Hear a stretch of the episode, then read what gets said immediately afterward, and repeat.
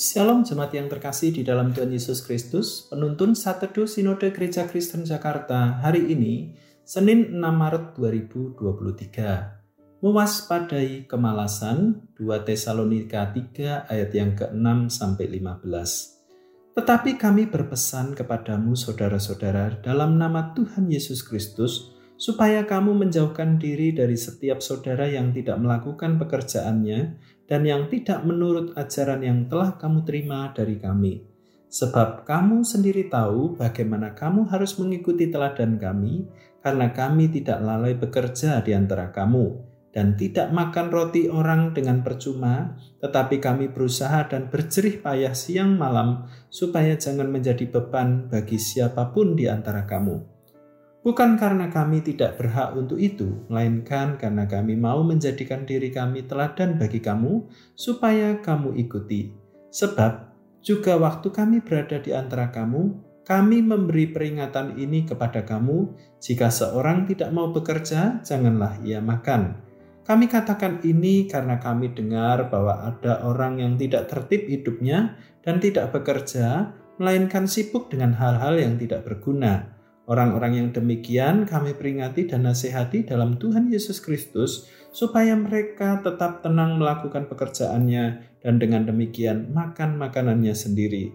Dan kamu saudara-saudara janganlah jemu-jemu berbuat apa yang baik. Jika ada orang yang tidak mau mendengarkan apa yang kami katakan dalam surat ini, tandailah dia dan jangan bergaul dengan dia supaya ia menjadi malu tetapi janganlah anggap dia sebagai musuh, tetapi tegurlah dia sebagai seorang saudara. Saya kedatangan tamu yang tidak saya kenal sebelumnya. Ya, seorang ibu yang tampak cukup bagus penampilannya, namun dalam percakapan selama beberapa menit menunjukkan ibu ini berada dalam kesulitan. Ia harus segera keluar dari indekosnya karena alasan tidak ada lagi biaya. Tetapi mendengar banyak ceritanya, saya curiga bahwa ia bukan seorang yang jujur dan benar-benar hidup dalam kesulitan. Ia seperti punya kebiasaan meminta-minta, terkhusus kepada orang-orang Kristen. Nah, menariknya, ia mengaku seorang yang beriman.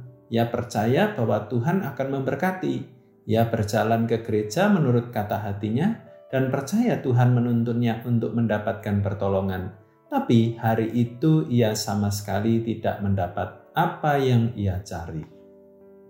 Sebagai orang percaya, kita memang patut menolong orang yang sedang dalam kesulitan.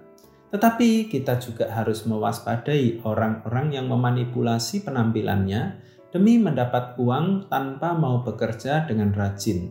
Rasul Paulus memberi kita beberapa nasihat. Pertama, hendaknya setiap orang bekerja dengan rajin, Rasul Paulus sangat geram bila melihat ada orang-orang yang malas bekerja.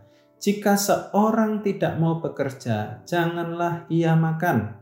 Yesus memberikan teladan dan berkata, Bapakku bekerja sampai sekarang, maka aku pun bekerja juga. Yohanes 5 ayat yang ke-17. Kedua, bahwa bekerja harus dilakukan seperti untuk Tuhan. Paulus berkata, apa pun juga yang kamu perbuat, perbuatlah dengan segenap hatimu seperti untuk Tuhan dan bukan untuk manusia.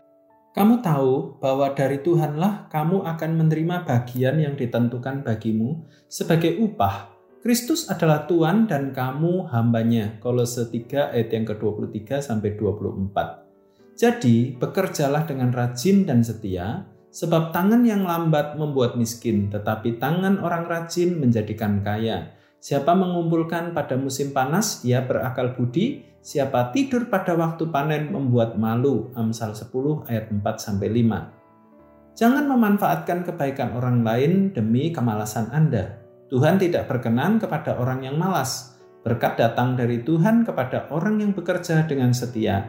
Karena itu, bersyukurlah atas pekerjaan yang dititipkan Tuhan kepada kita, dan mohonkan berkat Tuhan atas pekerjaan kita sendiri. Berkat datang dari Tuhan kepada orang yang bekerja dengan setia. Selamat beraktivitas, Tuhan Yesus memberkati.